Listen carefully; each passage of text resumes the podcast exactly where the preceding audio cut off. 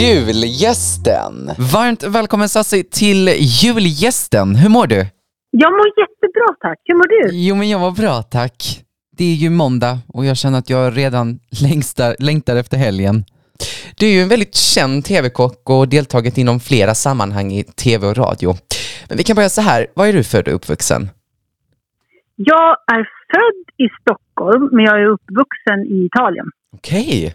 Hur, kommer det sig, jag- hur kommer det sig? Ja, men jag var bara några år gammal när eh, vi flyttade till Italien och min pappa var ju från Italien och min mamma är svenska. Så då blev det att vi flyttade till Italien när han fick ett stipendium där nere och jag var lite drygt två. Okej, hur var det att bo i Italien? Ja, men Italien är ju underbart. Så det Ja. var det. Jag, jag har haft världens bästa uppväxt. Ja, Men vad härligt, vad härligt. Jag tänker, många känner igen dig från Robinson, som du faktiskt vann. Du blev ju den första kvinnliga eh, vinnaren av Robinson. Hur var det att få vara med i det programmet? Ja, men det var ju grymt häftigt. För mig var det liksom, jag har alltid varit förtjust i vatten och dykning och tropikerna. Så jag sökte till Robinson för äventyret.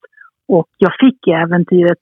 Det var ju på den tiden var det verkligen på riktigt. Vi var ju på en öde ö. Det fanns ju knappt några mobiltelefoner. Alltså, vi var helt utlämnade och helt ensamma på en öde ö. Och det var alltså det är få saker som går att beskriva när man Alltså går och lägger sig på kvällarna och så hör man nästan de här jättesköldpaddorna krafsa på stranden för att ta sig upp och lägga ägg. Eller man vaknar på morgonen och havet är så här kavlugnt och man ser fiskar, så här flygfiskar hoppa på vattnet. Och, och hur man liksom är lite grann utlämnad i och, och faktiskt klara sin överlevnad själv. Mm, mm. Hur, hur var känslan då när du vann? Ja, men det var ju skithäftigt. Alltså, att vinna Robinson var... Jag hade ju målet inställt på det hela tiden. Sen vet man ju inte aldrig om man lyckas nå hela vägen fram.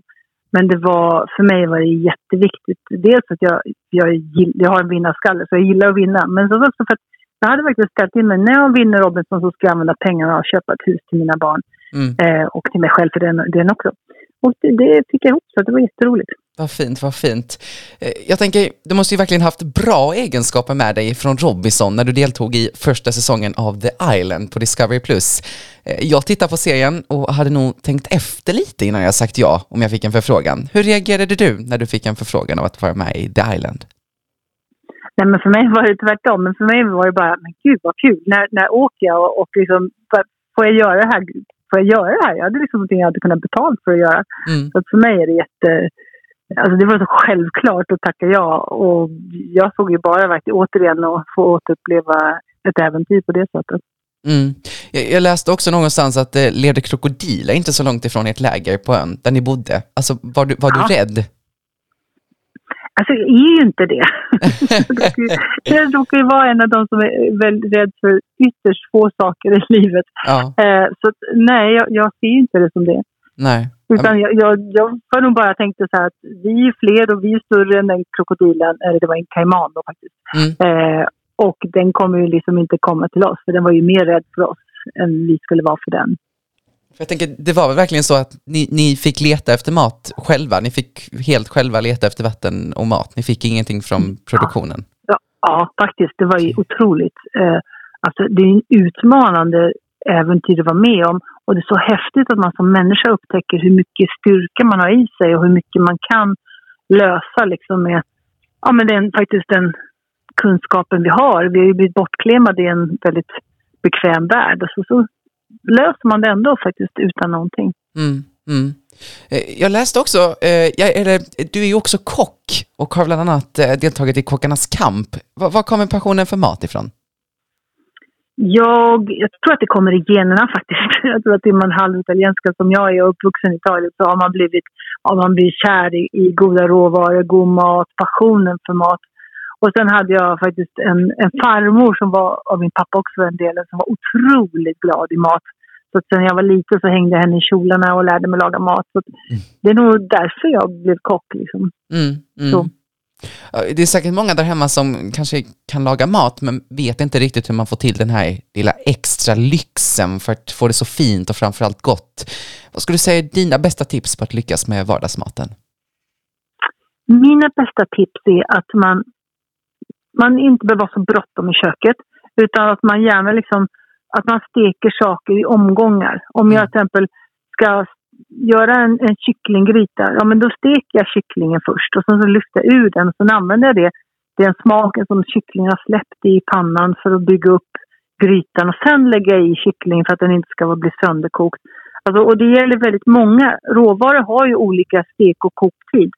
Så när man, om man liksom plockar in och ur dem i grytan lite grann men ändå låter liksom dem släppa sina smaker när man gör dem den första färgen och så vidare. Det, det brukar vara ett jättebra knep som jag brukar lämna ifrån mig.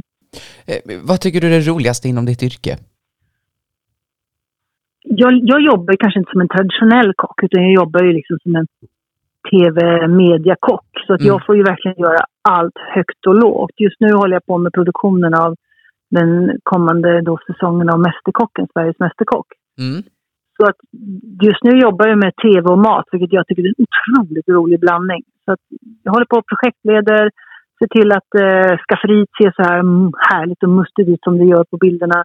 Eh, jobbar med deltagarna och, och faktiskt producera tv. Så att jag har liksom klivit in i ett snäpp till i min kockkarriär, att jag får göra tv-mat ytterligare en dimension. Och jag tror att det är det som för mig personligen är bland det roligaste. Det är att, att jag har ett sånt jobb som har mat som ett paraply, liksom, men på så himla många olika sätt.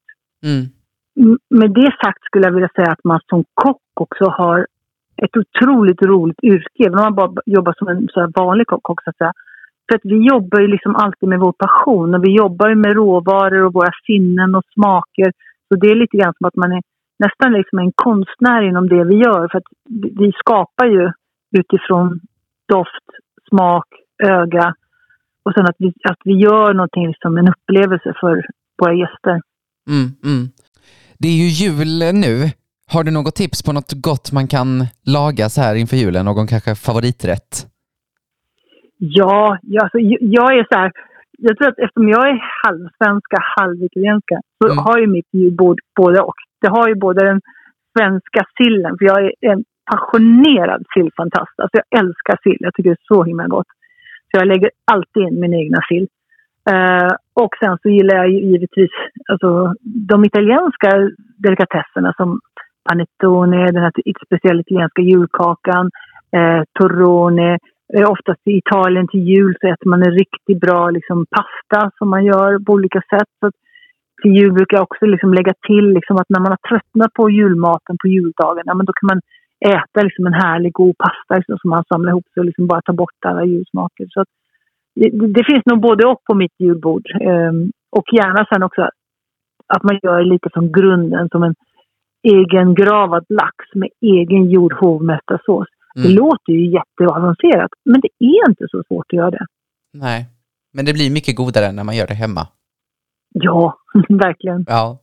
Du, tusen tack Alexandra för att du ställde upp på en intervju. Ja, men det var det lilla. Absolut. Det var bara roligt att vara med. Ja, men vad härligt. Och så önskar jag dig stort lycka till i ditt fortsatta arbete. Ja, men tack själv och ett, ett god jul till dig.